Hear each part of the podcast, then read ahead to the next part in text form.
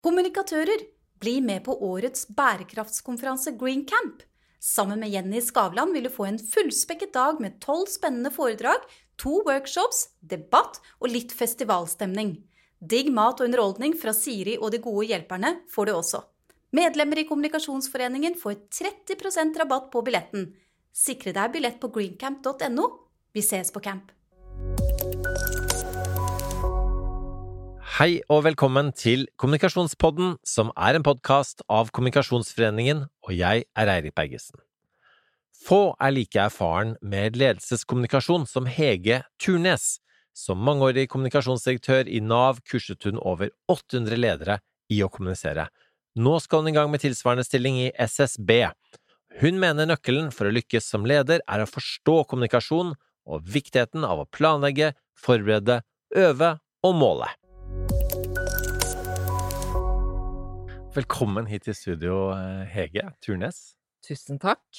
Du eh, er på Du er ute nå av eh, en jobb du har vært i veldig, veldig lenge, nemlig kommunikasjonsdirektør i Nav. Ja. Mange kjenner deg derfra. Både i offentligheten, men også i Kommunikasjonsforeningen. For du har vært også innom vært nestleder i Kommunikasjonsforeningen i Oslo. Ja. Kjent... Nei, ja, nei, i sentralstyret. I sentralstyret. Har jeg vært nesteleder. Og så leder jeg eh, et eh, nettverk som, eh, i regi av Kommunikasjonsforeningen for kommunikasjonsdirektører i offentlig sektor. Ikke sant. Så du har eh, en, en, bred profil innen kommunikasjon. Og er lov å si, du er 63 år. Eller 62,5, som jeg pleier å si, da. Det er en viktig presisering. Ja. og så skal du over i en helt ny jobb ja. som kommunikasjonsdirektør i SSB. Ja. Og, og, det var kanskje overraskende selv for deg, eh, at, eh, at det er et, et, nytt liv som, en, som kommunikasjonstopp i det offentlige? Ja, både og, vil jeg si. Altså eh, Altså, jeg veit ikke helt at jeg er 62 og et halvt. Jeg har en tendens til å glemme det. Jeg Eh, jeg er liksom i eh, farta på en sånn måte at jeg ikke reflekterer så veldig mye over eh, egentlig hvor, hvor gammel jeg er, eller hvor lenge jeg har holdt på. Så, så jeg var nok litt sånn naivt optimistisk også i starten, med å tenke at, at jeg må jo etter hvert ha fått nok erfaring og kompetanse til at jeg er attraktiv på arbeidsmarkedet. Men så var det ganske mange som, eh, som eh, nevnte det stadig vekk når de skjønte at jeg var i, eh, i, i søkeprosesser, at blir ikke det fryktelig vanskelig? Var det folk som var involvert i prosessene også? Ja, altså nei. Ingen nei. som har nevnt, og det har ikke vært en, vært en, issue noe sted, egentlig. Men, men, men sånn andre som sier ja, det blir nok ikke så enkelt, men får håpe det går, går bra. Eh, så, så, da satte det seg litt en sånn ja, kanskje dette faktisk er en, er en utfordring, da. Eh, men det viste seg å ikke være det. Så, og som jeg sa, så ingen eh, har ikke vært noen, noen problemstilling sånn underveis i det hele tatt. Så jeg, eh, jeg syns det er rett og rimelig at folk over 60 også får, får eh, har store muligheter på, på, arbeidsmarkedet. Jeg må si det. Det er mye positivt som kan sies om det. Også sånn fra et samfunnsperspektiv. At vi, eh, vi trenger jo eh, all den arbeidskrafta vi kan få. Også de som, som nærmer seg 70, og, og kanskje også eldre, faktisk.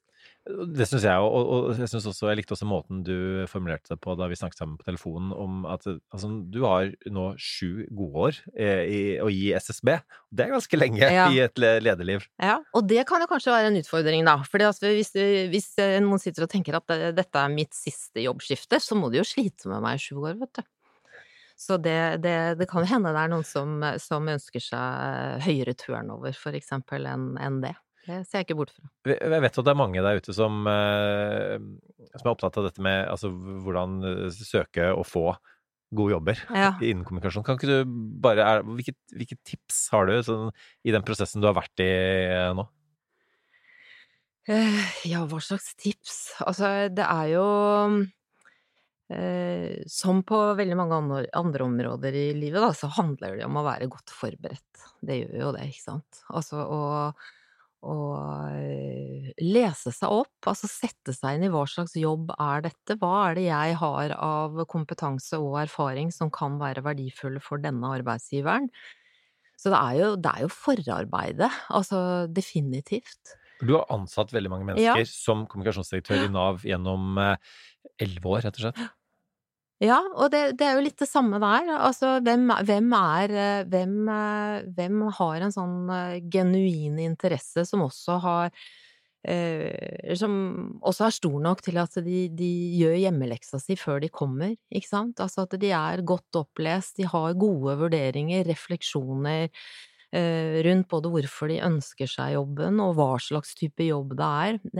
Så, så det blir aldri feil gode forberedelser blir, eh, blir aldri feil. Så, så det, det, er viktig. Og så er det jo eh, også å forberede seg på selve, selve intervjusituasjonen, altså å kanskje snakke seg igjennom, altså snakke med noen. Eh, trene litt på selve den eh, intervjusituasjonen også, hvis man, spesielt hvis man ikke har noe sånn særlig erfaring i det, eller det er lenge siden man har vært i en jobbsøkerprosess. Mm. Vi, det sånn annet som jeg synes er spennende med deg, er jo at du, du, For du slutter jo aldri å forberede deg og lære og skaffe deg kompetanse. Mm. I, uh, I, går, altså nå er du litt sånn uh, in between jobs. Mm. I går leverte du en oppgave i, i retorikk som du tar på, på BI. Ja. For å bli enda dyktigere ja. i det du holder på med. Uh, ja, det, det, er, eh, det, er, jo absolutt kompetansepåfyll, eh, men det er også Jeg vil jo si at det først og fremst har det vært helt fantastisk gøy, da. Eh, og jeg Altså, det, det, siste året, altså etter at jeg sluttet som kommunikasjonsdirektør i Nav, så har jeg også jobbet med lederkommunikasjon, så det har jo også vært ut, utrolig relevant for det jeg har holdt på med. Og jeg mener jo at retorikk er Altså, alle burde jo ta det. Altså, det er relevant i de aller fleste situasjoner, for alle som jobber med mennesker, for alle som trenger ord eh, og for å overbevise og, og, for å få til noe, så er det ufattelig viktig. Og så er det spennende.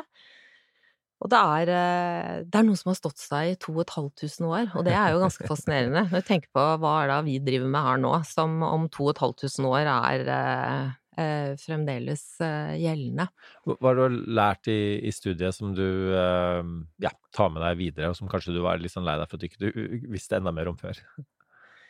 Um, jeg tror kanskje først og fremst eh, at jeg har fått uh, mer mer kompetanse og kunnskap på rett og slett på kommunikasjonsfaget, og den delen av kommunikasjon som handler om overbevisning og om retorikk. Eh, så det er vel først og fremst det eh, som, som eh, jeg tenker at det er viktig.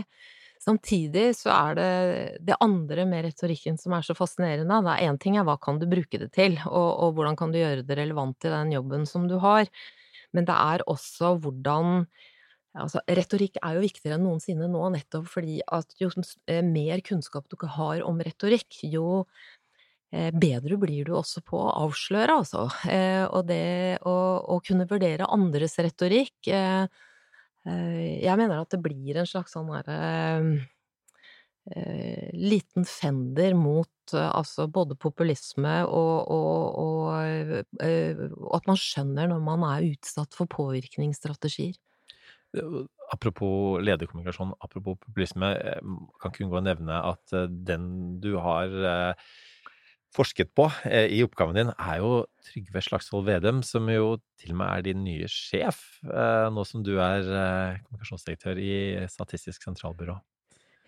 Hva, hva, hva, ja. la, la, da skjønner jeg at du ikke kan snakke om alle negative tingene med populisme, men det er masse positive ja. ting med populisme òg. Hva er det han uh, får til når, når, han er på sitt beste ja. uh, og har, er høyest på meningsmålingene? Altså bare som først, altså, Veldig hyggelig at du sier 'forsket på'. Dette det er en helt enkel prosjektoppgave. Det er 30 studiepoeng, så jeg tror særlig når jeg nå skal bli kommunikasjonsdirektør i SSB, så tror jeg jeg skal være litt forsiktig med å kalle det for forskning. det tror jeg det, det virker Om ikke grunnforskning, ja, så i hvert fall. Du har jo dykket ned og studert. Ja, og, og også Og det er ikke meg som egentlig kanskje Eller som sier det at han er populist, men grunnen til at jeg har har, har valgt Trygve, er at jeg syns at han er veldig sånn interessant retorisk, og, og at uh, det som uh, jeg og han, uh, helt superflink medstudenten som jeg har skrevet denne oppgaven sammen med, har syntes at var veldig interessant, var jo at vi så at han er en veldig sånn tydelig kommunikatør, da. Han er en veldig god kommunikatør, og at han som opposisjonstrygve var en veldig kommuniserende opposisjonspolitiker, ikke bare i debatter og i, eh, i eh, eh, liksom på, på, denne politiske arenaen, men også en sånn utrolig trivelig fyr i alle underholdningsflatene, ikke sant, og, og, og bød på seg sjøl. Og han snakker et et uh, veldig sånn enkelt og tydelig språk, som jeg er helt overbevist om at uh, de fleste skjønner hva det er Trygve mener. Og så har vi sett på og, også hvordan han har da kommunisert i, i uh, som finansminister, og, og, kanskje noe av det vi har Kanskje noe av det tydeligste er jo at han er jo mye tausere enn det han var som, som opposisjonspolitiker. Så det er jo liksom en sammenligning av opposisjonstrygve og, og finans Finanstrygve, da, som har vært kjempegøy, og, et, uh, og ikke vanskelig å finne materiale. Alle mener jo noe om Trygve Slagsvold Vedum. Det er 24. mai du begynner i, i ny jobb. Ja, du, du ja. får slippe å, å, starte den jobben med, med å si, snakke eh, dritt om den nye sjefen, ja, nei, øverste sjefen din. Men, men, men, men, eh, det er ikke Det er umulig å komme bort ifra at uh, han ikke er så høyt på målingene nå som han var før. Altså hvordan, Når man er i opposisjon og går inn i posisjon, mm. så, så, det, det, sier seg selv at, at, da kan man ikke være like frittalende. Mm. Men, men er, det, er, det, noe du har sett, sett, der som du tenker har vært interessant å, å studere nærmere? Uh, ja, det er vel disse kanskje sånne uh, Altså, det handler jo om å, å liksom omsette den retorikken man har hatt som opposisjonspolitiker, til, til, posisjon. Og det er ikke sikkert at det er så enkelt når du har hatt en sånn tydelig retorikk som går på, sant, tradisjonelle verdier, by og land, disse tingene som Altså, varme hender Han vil ha varme hender, han vil uh, ikke ha kalde datamaskiner. Han er jo uh, supergod på en del sånne, sånne ting. Som, som nok Altså, finansministerrollen, da, krever noe, noe helt, helt, annet. Så kan det jo hende at Eh, I valget så var han vel en av de, eh, sammen med Senterpartiet, var vel sammen med Fremskrittspartiet, de som tok mest eh, av lekkasjen fra andre partier. Samtidig som han fikk jo veldig mange av disse sofasliterne opp av sofaen til å, til å gå og stemme. Og, og, det kan hende at de blir litt skuffet når de, når de ser en finansminister som, som, ikke snakker på den måten, da, men som må stå der og forsvare både lakseskatt og strøm, strømavgifter og, Eller altså strømpriser og, og, sånne ting. Så, så det, er, det, er, jo et utrolig komplisert bilde, og det er jo et privilegium når man skriver en sånn oppgave, at vi kan bare se på retorikken, ikke sant. Vi bør ikke ta for, så, ta for oss verken strømpriser eller lakseskatt eller krig i Ukraina og alle mulige andre ting som påvirker at man mister mange velgere. Og det er jo ikke sånn at han bare har snakket seg ned fra 13,4% til nesten nærmere sperregrensa på, et, uh, på kort tid. Det er jo mm. ikke. Sånn er det jo ikke. Nei, og som, som, finansminister så er det jo bundet av de det budsjettet du har. Du har ikke mer penger. Nei, det var kanskje en sånn strategisk grunn til at ja. han ble plassert der av statsministeren. Sikkert, helt sikkert, ja. Men eh, men dette med, med lederkommunikasjon, eh, som, jo, mm. som, du har, har jobbet mye med, det er, jo, det, er jo, ikke alle ledere som er eh, verken like gode til å kommunisere, eller knapt nok tenker at det er deres rolle. Mm. Hvorfor er det sånn? Ja, det er jo, det er jo ganske underlig, fordi eh, eh, ledere i dag, og, og, sikkert alltid, altså de er jo i veldig stor grad i eh, i overbevisningsbransjen. Det er jo det vi driver med som, som ledere. Og det å både kunne skape mening, det å oversette ting, og det å også tilpasse kommunikasjonen, altså til, til de folka som, som man eh, leder, da. Så det at man ikke er opptatt av det, det er egentlig ganske, ganske forunderlig. Og jeg, jeg, er helt overbevist om at altså, for meg så er ledelse kommunikasjon, og kommunikasjon er egentlig ledelse. Og jeg er helt overbevist om at det er veldig vanskelig å lykkes godt som leder i dag uten å være eh, ha kunnskap om kommunikasjonsvirkemidlet, eh, og ha en plan for hvordan du, eller hva du faktisk skal oppnå ved hjelp av kommunikasjon, og også det å øve, og det å trene. Det er viktig. Mm. Og det er, eh, det er liksom to ting som, som, aldri helt slutter å forbause meg, da. Det ene er at i, i Nav, som jeg var kommunikasjonsdirektør, men også alle de andre stedene hvor jeg har vært, så er det som regel sånn at dersom det ringer for eksempel en nærradiojournalist til en Nav-leder, så skjer som regel eh, følgende, og det er at eh, Nav-lederen eh, takker pent for henvendelsen, sier jeg må ringe tilbake, og så begynner forberedelsene, ikke sant. Må jeg lese meg opp på noe, skal jeg sjekke noen tall, kanskje jeg skal snakke med en kommunikasjonsrådgiver? Og først liksom man har gått gjennom alle de greiene, så ringer man tilbake, og så har man et intervju. Og den samme lederen kan altså eh, eh, uten å rødme, altså gå rett inn foran egne medarbeidere uten forutgående forberedelse, og skulle avlevere superviktige ting og likevel forvente magi, selv om man ikke er forberedt. Så det er liksom det ene. Og så er det det andre som eh, aldri slutter å forbause meg, det er jo dette snakket om, eh, om sildring. Og det er jo eh, i Nav har akkurat vært gjennom en, en, strategiprosess, og da er det jo mye snakk om sildring. Det er noen sånn overordnet magi, altså budskap fra toppen av direktoratet som sånn helt automagisk liksom bare skal sildre ut i organisasjonen. Og det syns jeg er eh, litt gøy, fordi jeg har jo jobba med kommunikasjon i hele mitt voksne liv, og jeg har aldri noensinne sett sildring.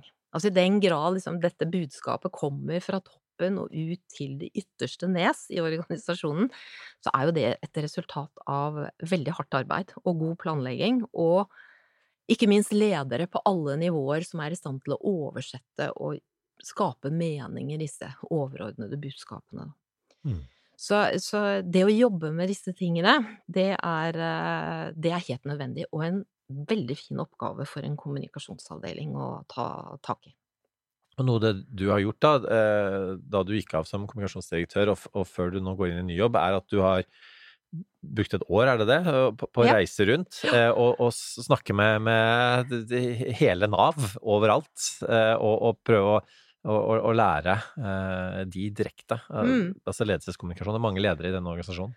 Jeg har eh, jobbet det siste året i HR-avdelingen sammen med altså et sånt lederutviklingsmiljø der, som, som, det, som, jo er en sånn ganske sånn stor satsing i, i, i Nav. også bygge opp intern kompetanse på, på, på lederutvikling, og tilby det til organisasjonen og, og, og lederkommunikasjon som en del av det, da. Så jeg har vært ute og trent ledergrupper eh, og ledere i Nav. Utrolig spennende og eh, veldig, veldig meningsfylt.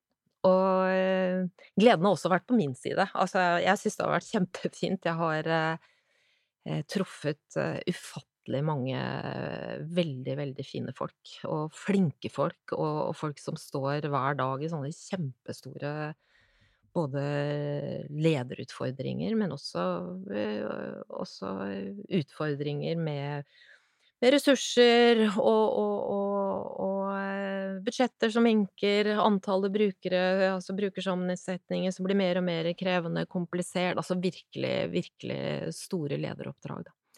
Så det å få, ja. Hvor mange ledere har du eh, trent opp igjennom? Eh, nei, i løpet av siste året så, så, har jeg vel kanskje Er det vel litt i overkant av 400, tror jeg, som jeg har hatt da. Og så er det eh, Ja, før pandemien, eh, eller før alle disse krisene traff Nav, så, så så vi vel, hadde vi vel en sånn 600 som vi har hatt før, da. Men mm. under pandemi og, og, og sånt, så har vi vi, vi, har, vi lagde en digital versjon, men vi var nødt for å nedprioritere akkurat den biten av kommunikasjonsarbeidet, da. Altså, eh, det er jo mange ledere i Nav, og det er mm. mange forskjellige funksjoner. Det er vel en fjerdedel av mm. statsbudsjettet, ikke sant? Hva, hva? En tredjedel, ja. Ja, tredjedel. Ja. ja. Enda mer. Ja. Eh, hvordan Altså, hva, hva, er på en måte felles? Hvilke sånne derre Hvis du skal gi den derre handlelisten som, Mm. som, som det aller viktigste innen lederkommunikasjon i, i Nav, og som regner med er overførbart til andre steder Mm. også. Hva, hva, hva, er, på en måte, hva er det du har fokusert eh, på der? Eh, nei, eh, altså det, det er jo også snakke om altså hva, hva, eh, hva er ledelse, og, og hva er kommunikasjonen i ledelse? Altså noe av det viktigste målet min, fra min side er jo nettopp å få de til å forstå altså at dette er mm, dette er et fagområde som de er nødt for å, å rett og slett bli bedre på, og være mer bevisst på, og at de trenger noe kunnskap om kommunikasjon som virkemiddel. Eh, Men kanskje først og fremst bevisstheten, altså betydningen av, av eh, lederkommunikasjon. Og eh, at de må lære seg noe, altså noen verktøy for hvordan man kan planlegge og forberede seg, og, og sette seg noen mål for hva man ønsker å oppnå med, med lederkommunikasjon. Og så er det dette med å trene og øve, og og be om tilbakemeldinger, rett og slett. Og så, eh, ja, og, og, og mange ledere, og kanskje ledere som kommuniserer veldig mye, og som er vant til det, som er mye ute og prater med kommunestyrer og næringsliv og sånt, og de, de, eh, de trener kanskje ikke så mye som de burde, og de er heller ikke så opptatt av å, å, å be om tilbakemeldinger. Og forsikre seg om at dette her nådde jeg målet mitt.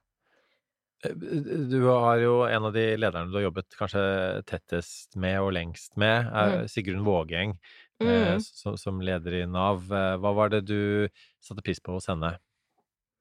Nei, det var vel kanskje akkurat dette, da. Og det var, det var, jo, eh, var jo sånn det begynte. Altså det, hvor vi lagde dette kurset, eller denne opplæringen, eller treningen, om du vil, i, i lederkommunikasjon og retorikk, var jo, var jo mens hun var sjefen min. Eh, og, og det var jo litt ut fra den eh, Altså hun var jo Og det er jo noen ledere som gjør, som leder altså rett og slett igjennom kommunikasjon. Altså som tenker at dette er det jeg har. Og som bruker, eh, bruker eh, mesteparten av tiden sin på akkurat det. Å kommunisere. Og, og hun gjorde det eh, veldig mye internt. Eh, og utrolig bevisst, altså veldig sånn tydelig mål for hva det var hun ønsket å oppnå. Og, og det er ikke noe tvil om at, eh, at Sigrun helt sikkert hadde et eller annet slags sånn talent i dette, som veldig mange som er veldig sånn gode på en scene, selvfølgelig har. Men, eh, men eh, det aller viktigste tror jeg egentlig var at eh, Jeg har aldri jobbet sammen med noen som har eh, trent og øvd så mye også som det hun gjorde.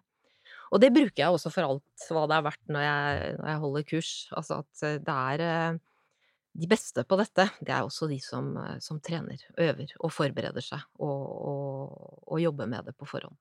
Og, Som, som duo, da, eh, hun som sjef og, og du som eh, ansvarlig for kommunikasjonen, havner da midt i der, eh, det som ble kalt trygdeskandalen. Hvordan var det eh, å, å stå midt oppi det? Um, nei, det var jo en, en forferdelig eh, vanskelig tid. Eh, jeg Altså, jeg tror at eh, det har jo Det er jo ikke den eneste krisa jeg har vært oppe i, i Og pandemien var jo også utrolig arbeidskrevende og traff Nav eh, veldig, veldig hardt. Det er en sektor med, med, med mye Det negative det- ja nyheter. Det, det er det. Ja. Men, men, eh, eh, men jeg tror at det, som var vanskelig med, med trygdeskandalen, og nå snakker jeg litt sånn fra kommunikasjonssiden, det var jo det at at det, det er alltid vanskelig eh, Altså, det i motsetning til pandemien, da, hvor vi var med i en felles dugnad, ikke sant, altså hvor folk klappet på balkonger og, og, og hva de nå enn drev med, og det var liksom Alle var med eh, og alle skulle bidra, så, så er det jo forferdelig vanskelig når, det når man har gjort en feil. Altså, det er, eh, det, det, er vondt og vanskelig. Altså, er når man starter der ved at man faktisk har gjort noe som har fått konsekvenser for, eh, for eh, andre mennesker, og også alvorlige konsekvenser. Og det preget nok både organisasjonen og enkeltmennesker, og det, det er veldig tungt, og det er veldig, veldig vanskelig. Så, så det å, å, å, jobbe veldig intenst, men ikke så forferdelig lenge, da men i hvert fall, Nå kan jo alt sammenlignes med pandemien, så nå vet man jo hvor lenge en lang krise er, egentlig. Eh, så var jo dette snakk om en tre-fire måneder hvor det var, var intenst.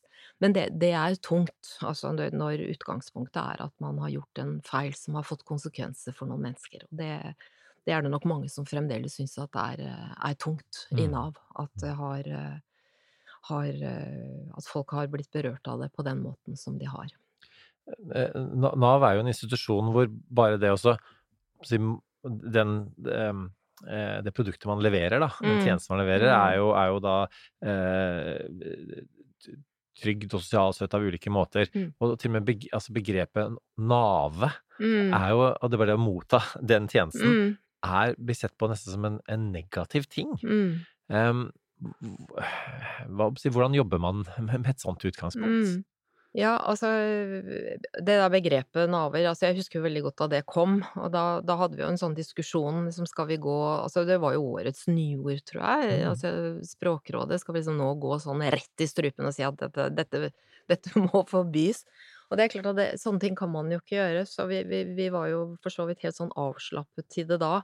Men jeg ser jo at for veldig mange som er avhengige av Nav sine tjenester, så, så oppleves det som en eh, Eh, som en, et litt sånn nedlatende og litt eh, stigmatiserende begrep.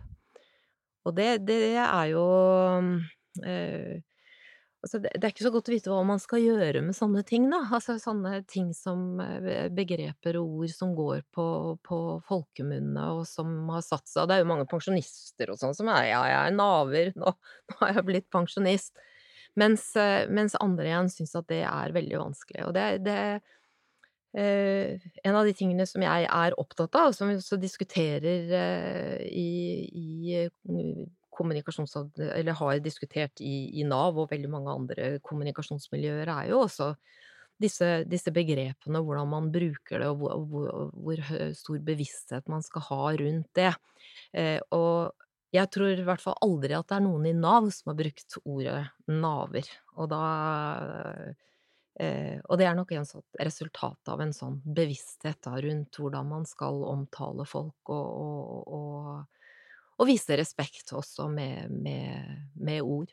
Eh, når det er sagt, så det vet jeg at dette med omdømme er sånn som diskuteres ofte, mm. og spesielt med institusjoner som, som eh, Nav det er ikke du så glad i? Hvorfor ikke? Nei, jeg Nei, jeg Det har ikke vært et mål for deg at Nav skal ha et eh, godt omdømme? Nei, altså Ja, eh, det ville for så vidt vært eh, fint, det. Altså, men, men jeg er jo kanskje sikkert forvaltningens største sånn omdømmefestbrems. Altså når det gjelder selve begrepet, så, så mener jeg at det er, det er komplisert, altså på måten vi bruker det på. Og det, nå snakker jeg om offentlig sektor, eh, for det er jo det jeg kjenner, og det jeg kan noe om. Men, men jeg syns det, og, og, og, jeg tror at også kommunikasjonsavdelinger har gjort seg selv en sånn bjørnetjeneste ved å fremme det som en sånn her viktig ting som man også må huske på, når man er i kontakt med, med andre fagmiljøer, da.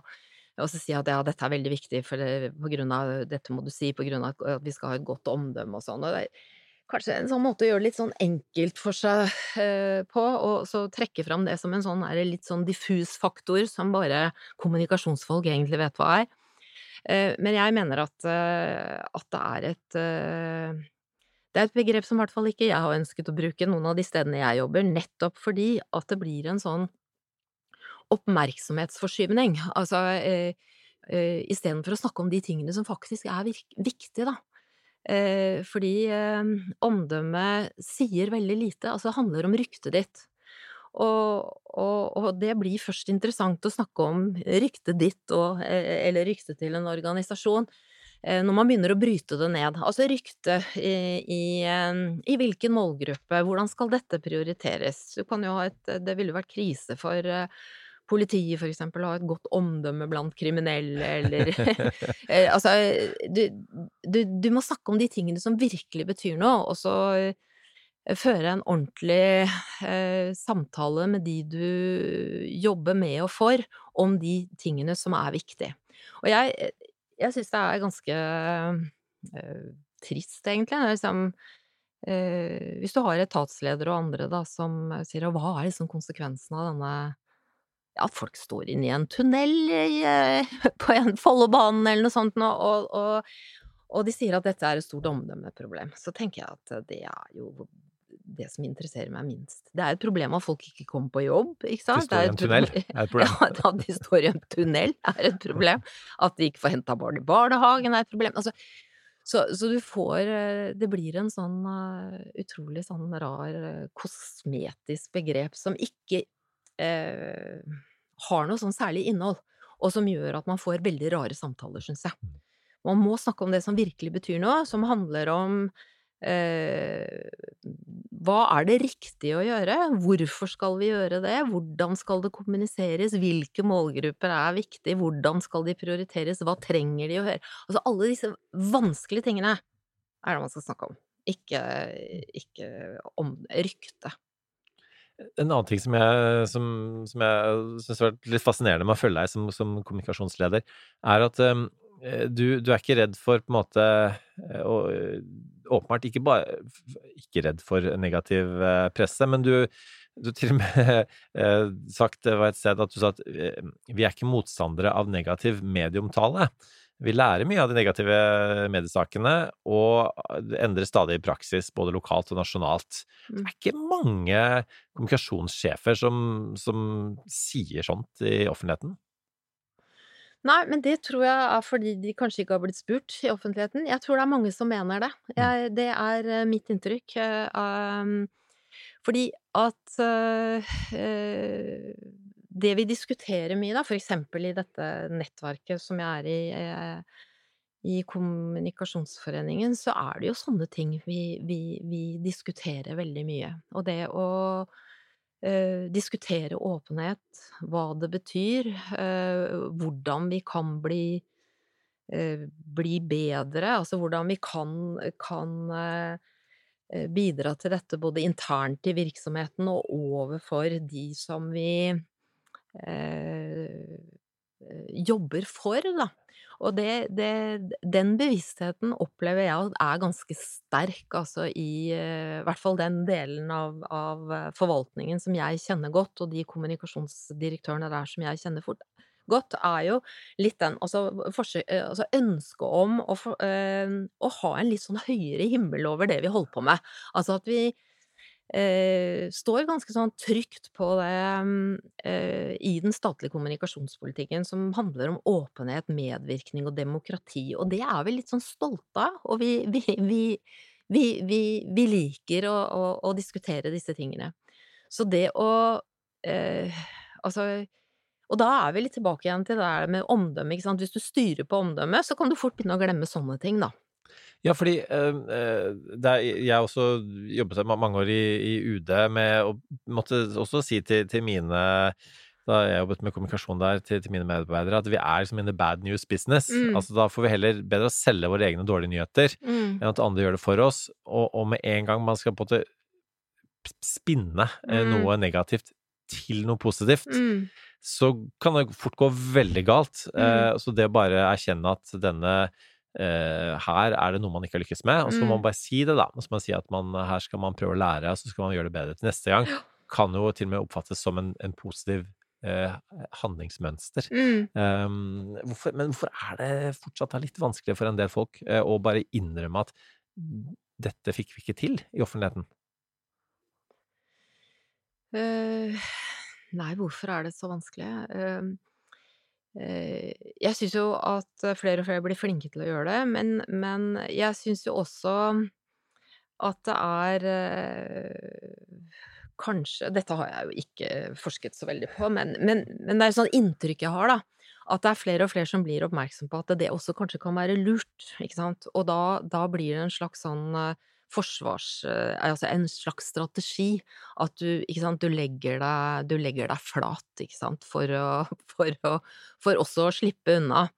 Eh, og, og, det tror jeg kan være en litt sånn eh, risky business, da. For jeg tror at eh, hvis du virkelig skal uh, skal be om unnskyldning eller si at uh, dette er ikke bra, og at vi, dette her må vi gjøre bedre, dette skal vi gjøre noe med, så skal du ha både en sånn stor grad av troverdighet, ikke sant, men du må også, du må også levere på det. Fordi at hvis du sier dette her i, i media, altså de kommer til å følge med på det.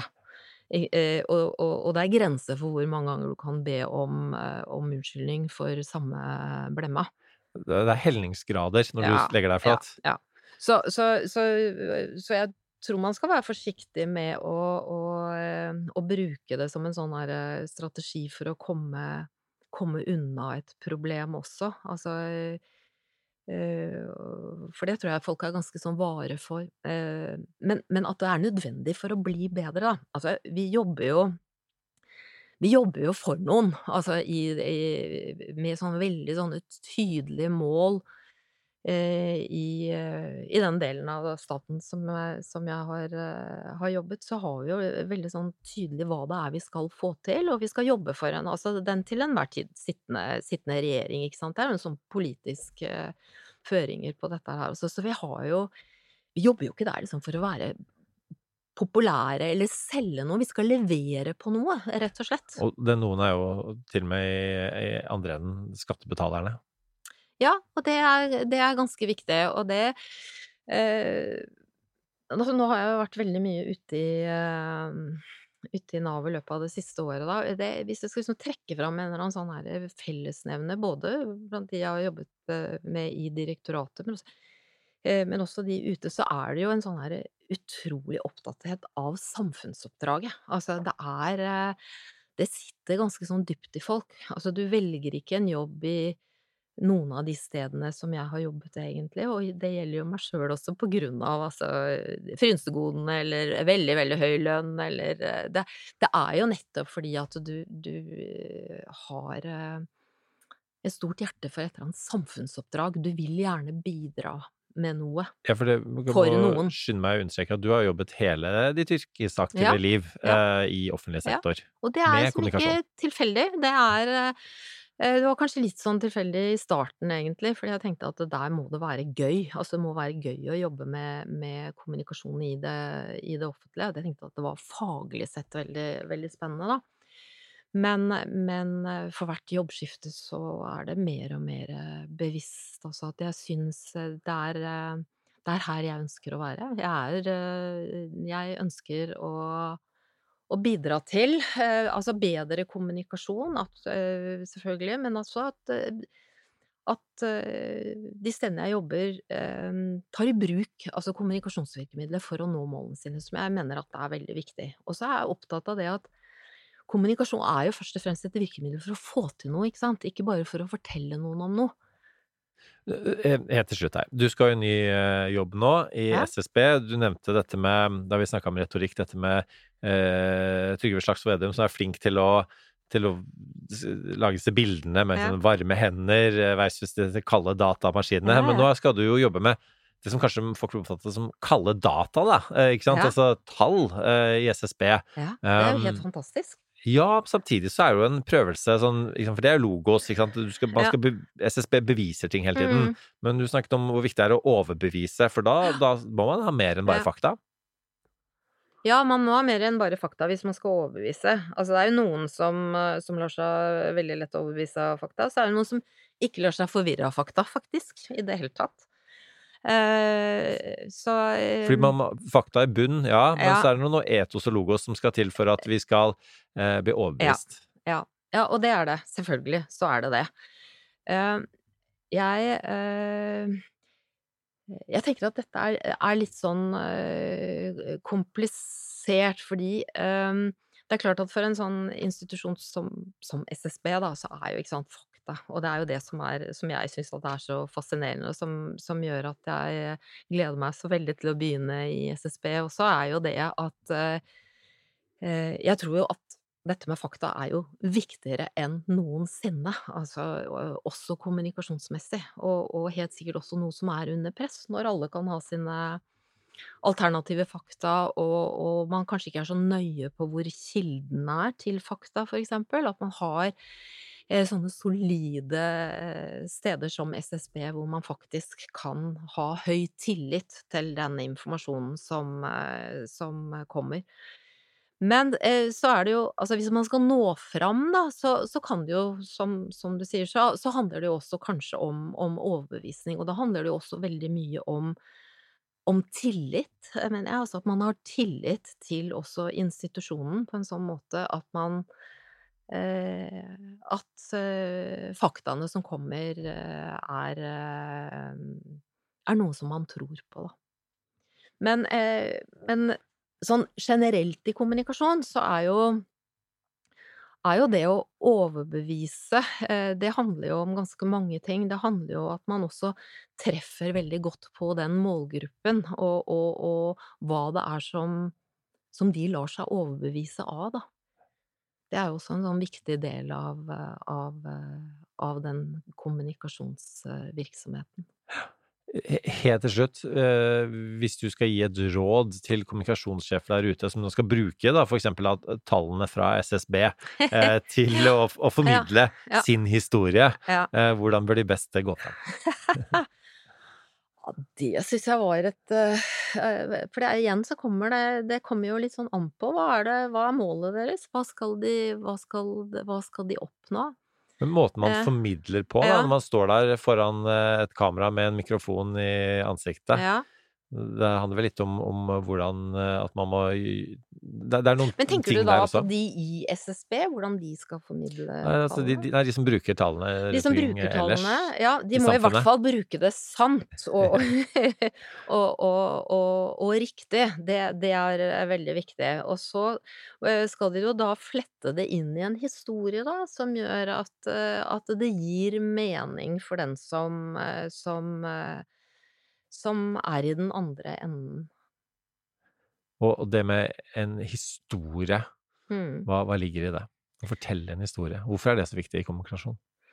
Det er jo, det er jo viktig fordi at uh, For det første så, så er jo uh, En historie er jo noe som treffer deg på, på, helt andre steder enn hva rene fakta og tall gjør, ikke sant? En historie det er jo gjort masse sånne forsøk på det. Folk husker ikke nødvendigvis ordene dine, men de husker hva slags følelser du skapte, det, skapte i dem når du pratet, ikke sant. Det sitter igjen. Du husker det.